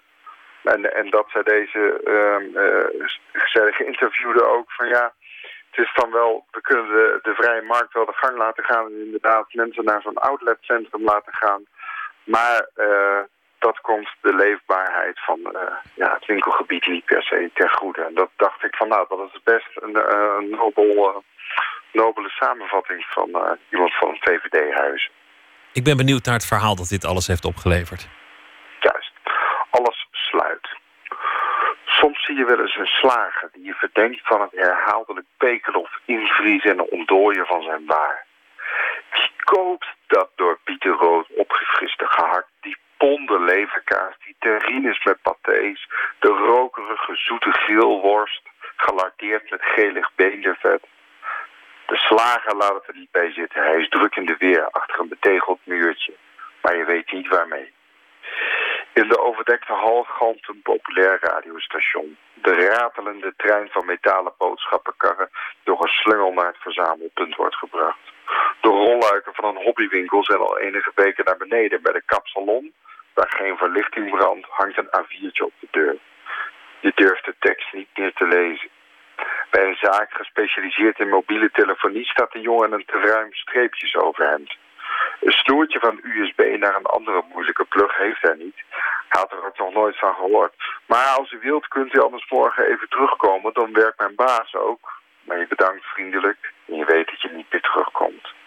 En de dieren speciaalzaak dan, die heeft zakken vogelzaad in de aanbieding. Nu meenemen van zus voor zo. En bijna wil je die kilo's vogelzaad op je schouder hijsen om de eigenaar van dienst te zijn. Maar je weet ook dat hij het in jouw plaats zou laten omdat de vogels die regenachtige kwakkelwinter heus overleven zonder.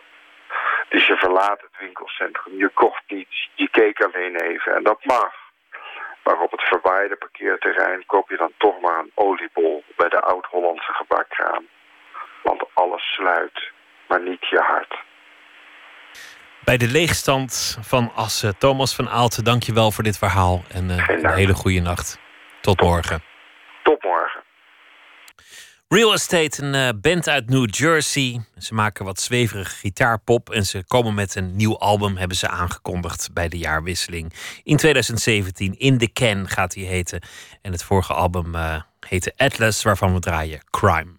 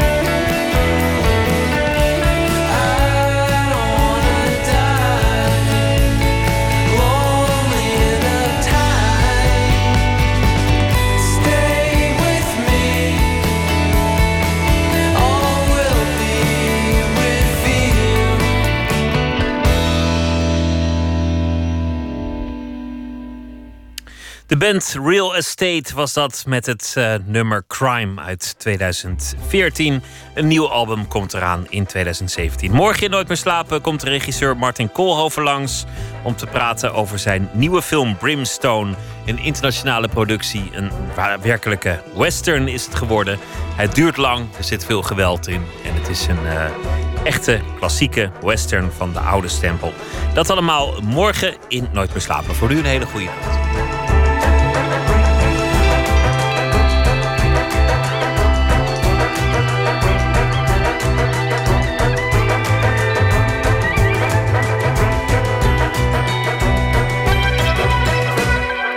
Radio 1, het nieuws van alle kanten.